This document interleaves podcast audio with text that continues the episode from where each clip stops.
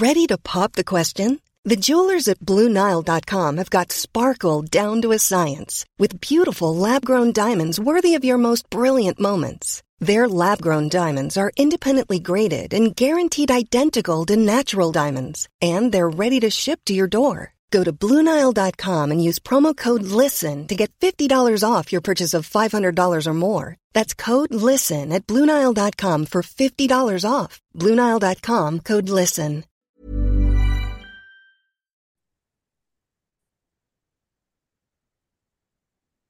Udah ya? Ya.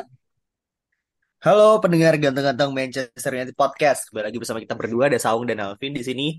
Dan seperti biasa, eh, kita take sebelum eh, pertandingan Premier League ya, yang game week ketiga, di mana eh, recordnya sekarang saat ini kita mencatatkan satu kali kemenangan yang sangat beruntung dan juga kekalahan yang sangat memalukan gitu. Nah, em, besok gitu kan kita akan melawan Nottingham Forest di Old Trafford dan ini menurut gua akan jadi eh, pembuktiannya Ten Hag ya bahwasanya apa yang dia lakukan seharusnya itu sudah mulai berjalan dengan lancar lah gitu. Dan eh, ini mengingatkan gue kepada game week ketiga musim lalu ya, di mana di dua match pertama lawan Brentford dan juga Brighton kita dihajar habis-habisan, tapi akhirnya kita bisa comeback eh, lawan Liverpool pada saat itu. Di Old Trafford juga ya, Vin ya. Ya, Dan eh, kita menang cukup meyakinkan gitu kan dengan permainan yang yang menurut gue sangat jauh berbeda lah dengan dua pertandingan sebelumnya. Tapi pada saat itu kan eh, perubahannya satu ya yang cukup signifikan ya, yaitu Ronaldo di drop kan. Nah, iya benar. Benar kan? Ya, Ronaldo di top, terus akhirnya kita benar-benar memainkan pemain yang eh, yang memang Ten Hag lah pada saat itu gitu. Nah, eh, besok gitu ya lawan Nottingham, semua pemain yang yang sudah dibeli itu dimainkan kan eh, oleh Ten Hag sejak game week pertama. Nah, menurut lo apa yang membuat game week tiga besok itu patut kita nantikan, Vin? kalau game ketiga patut kita nantikan menurut gua yang satu karena MU main di home gitu. Jadi Oke, meskipun kemarin lawan Wolves ya kita kesulitan untuk menang, untuk cetak gol juga, tapi at least kayak sama ada spirit tersendiri yang bikin kita tuh hoki gitu. Jadi mungkin secara skor untuk meraih kemenangan bisa, tapi untuk bermain secara baik, secara cantik dan secara sesuai dengan prinsip Ten Hag, nah itu adalah satu hal yang berbeda lagi gitu. Nah, menurut gue kenapa patut kita nantikan gue juga berharap bahwa akan ada perubahan gitu dari Ten Hag yang mana sepertinya dengan sistem baru ini pemain-pemain MU itu belum bisa menjalani itu gitu loh eksekusinya masih jelek dan oke, ini juga persis kayak lawan Liverpool kemarin gitu di musim lalu. Lawan Brighton dan lawan Brentford kan MU mainnya highline main dari belakang gitu. Tapi ternyata kita dihajar habis-habisan kan. Sampai akhirnya lawan Liverpool MU itu berubah jadi lebih pragmatis gitu. Ten Hag mengubah sistemnya lebih ya udah deh De Gea long ball kita bermain lebih pragmatis dan dari situ kita menemukan pakem gitu loh.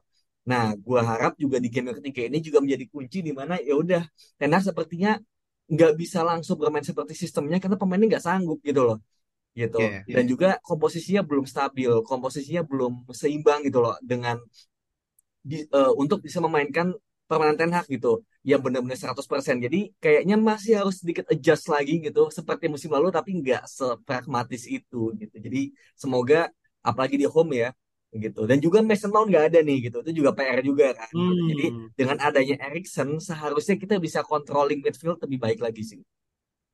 oke. Dan eh, pada saat itu kan selain karena Ronaldo di drop dan juga Ten Hag bermain eh, pragmatis gitu ya. Tapi pemain-pemain ini kan disuruh lari 40 kilometer dulu ya kalau nggak salah ya. Nah, gue belum melihat nih berita-berita mereka dihukum ya karena bermain sampah lawan Spurs kemarin gitu. Dan eh, banyak hal yang terjadi dari sejak eh, lawan Spurs, yaitu eh, seperti yang tadi lo bilang, Mason Mount cedera gitu, which is tentu kita harus apa ya, eh, harus segera mikir lah siapa yang akan bermain di midfield kan, apakah Erikson ataukah uh, McTominay gitu, karena Van Beek udah pasti akan eh, cabut menurut gue gitu dan pemain yang seharusnya udah ada di United se- sejak uh, beberapa minggu lalu. Amrabat masih berlatih sendiri di Fiorentina jadi gua nggak tahu nih uh, midfieldnya akan nanti seperti apa. Terus uh, Greenwood juga udah officially cabut ya kan? Udah dikonfirm juga sama uh, Richard Arnold bahwa dia tidak akan bermain lagi untuk United. Terus um, kalau nggak salah Glazer akhirnya mau ngejual nih kalau nggak salah ya kan Hmm. Uh, di bulan Oktober nanti uh, si siapa namanya uh, Sheikh Jassim akan akan official lah untuk uh, fulfill the transaction di angka 6 6 billion pounds kalau nggak salah. Cuman Ya. ya uh, yang mau gue tekankan adalah cobaannya Ten Hag tuh berat banget ternyata gitu. Kalau misalkan banyak fans yang bilang kayak uh, apa namanya mendingan De Zerbi aja nih gitu atau mendingan kayak uh, siapa siapa gitu nama-nama populer lainnya gitu. Ya mereka bisa perform karena mereka di klub yang menurut gue memang cobaannya nggak banyak gitu dan juga Hmm. tekanan media juga banyak kan Ya. gitu. Bahkan Kieran McKenna aja di Ipswich jago tuh gitu.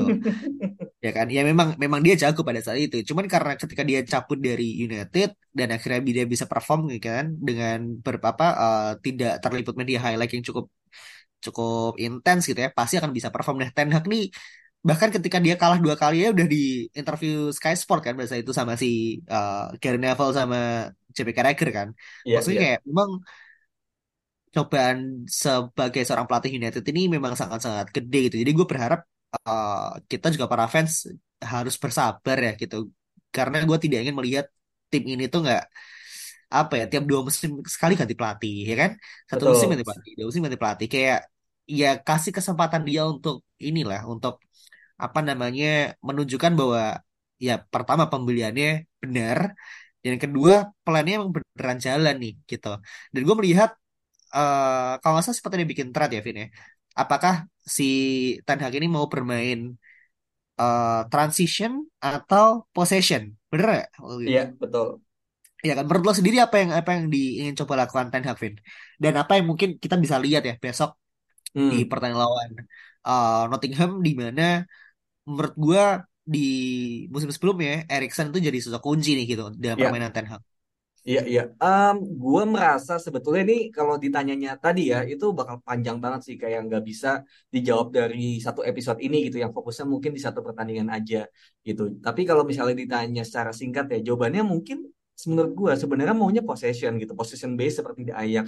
Cuma memang pemain-pemain yang sekarang ada gitu dan pemain kuncinya itu ternyata memang masih transition base gitu. Contohnya Rashford dan juga Bruno gitu. Itu adalah dua pemain kunci yang apa ya jadi tulang punggung MU dalam beberapa musim terakhir gitu. Dan setelah MU ngebuang Ronaldo kemudian juga David De Gea nggak mungkin MU tiba-tiba ngebuang Rashford dan Bruno juga gitu loh. Kayak ini bakal babak belur si Ten Hag gitu.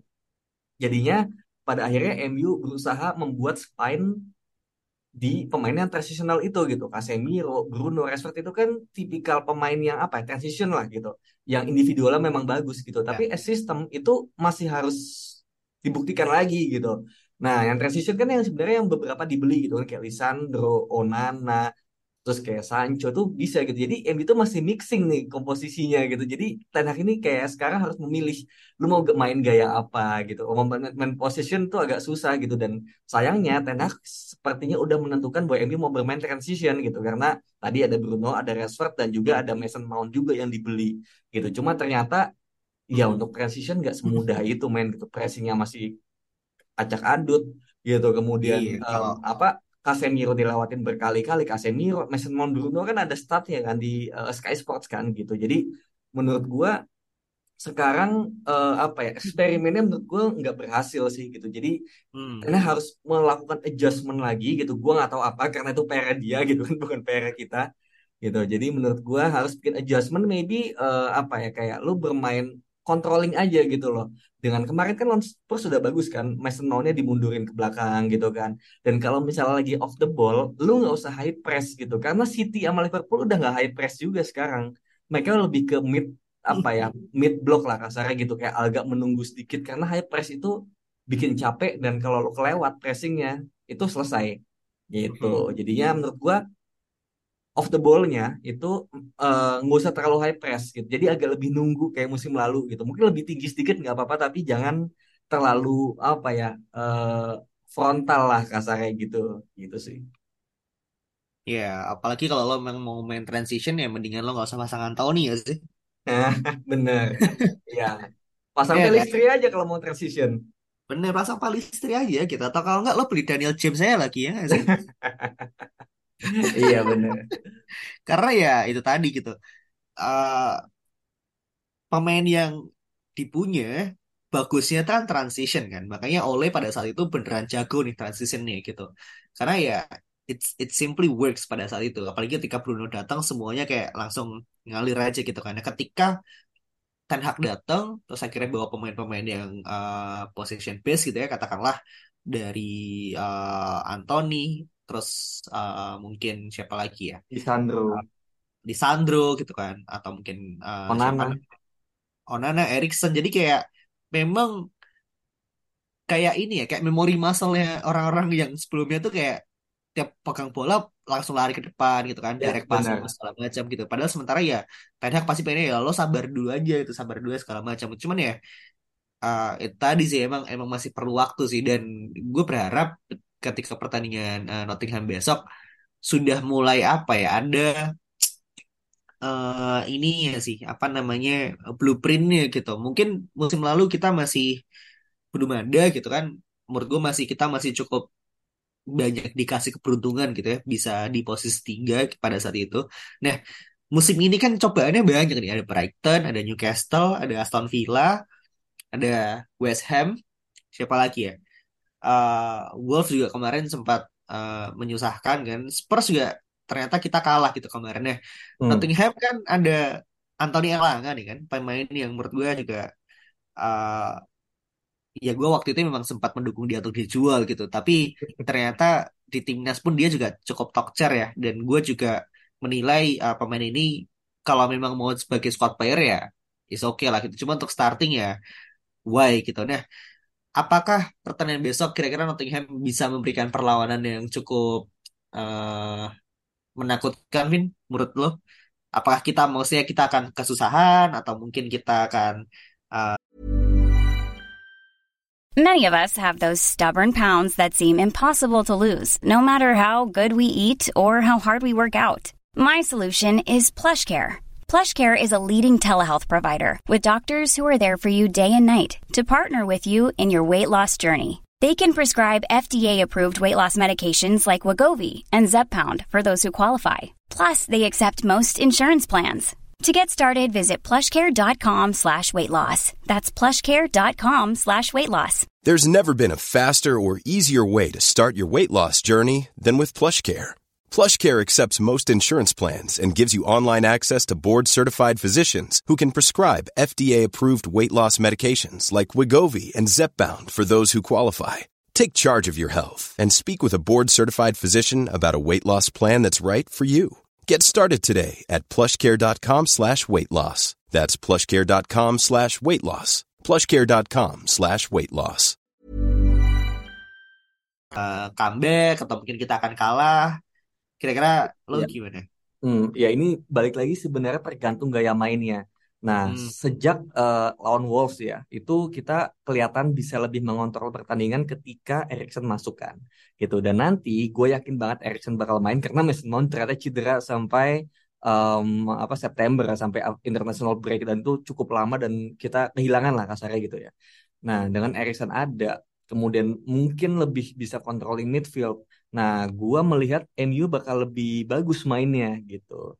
Gitu. Jadi mainnya lebih bagus, tapi gue juga berharap semoga em, MU juga pressingnya lebih terstruktur aja gitu. Mau high pressing nggak apa-apa, itu malah bagus high press, tapi lu butuh tenaga dan juga konsentrasi dan positioning gitu loh. Jadi jangan sampai Hmm. yang pressing tuh tiga pemain depan doang gitu. Kasarnya tiga pemain depan pressing, tapi kemudian back sayapnya nggak pressing percuma gitu loh.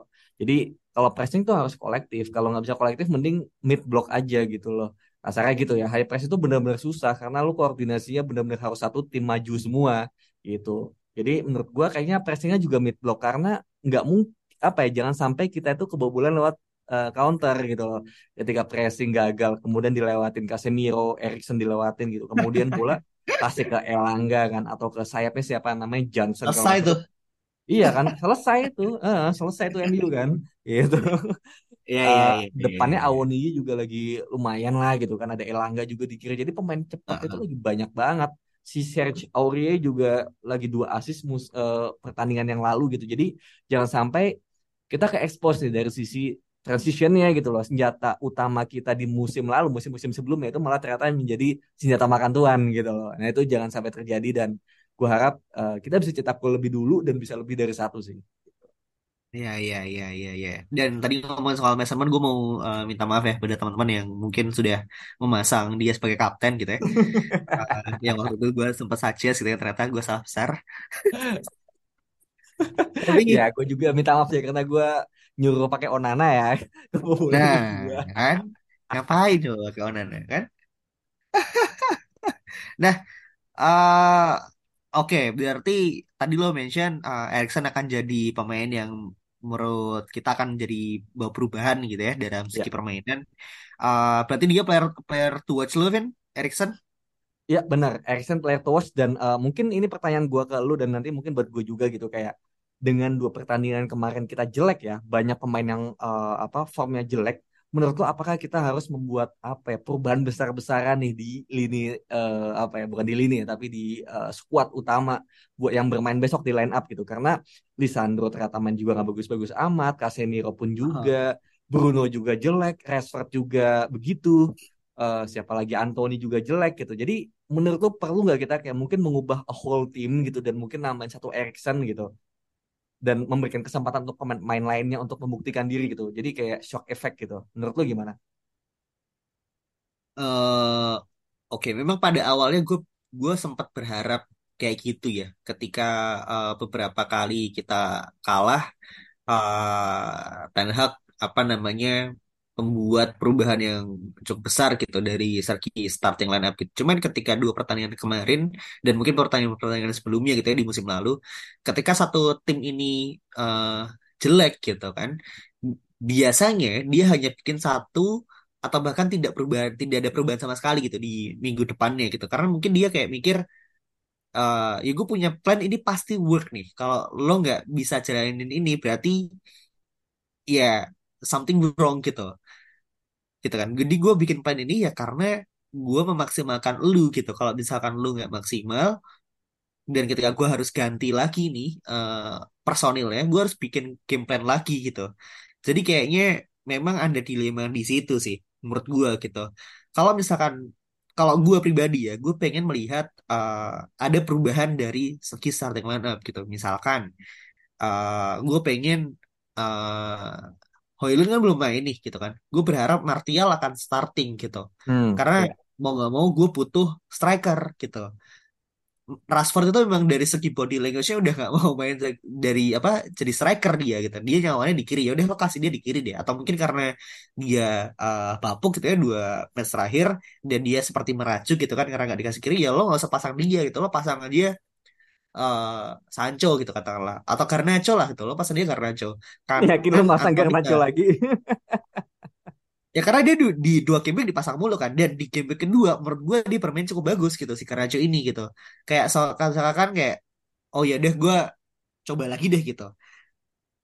Kayak gitu gitu. Karena ya di sayap kita udah gak punya siapa-siapa lagi gitu kan.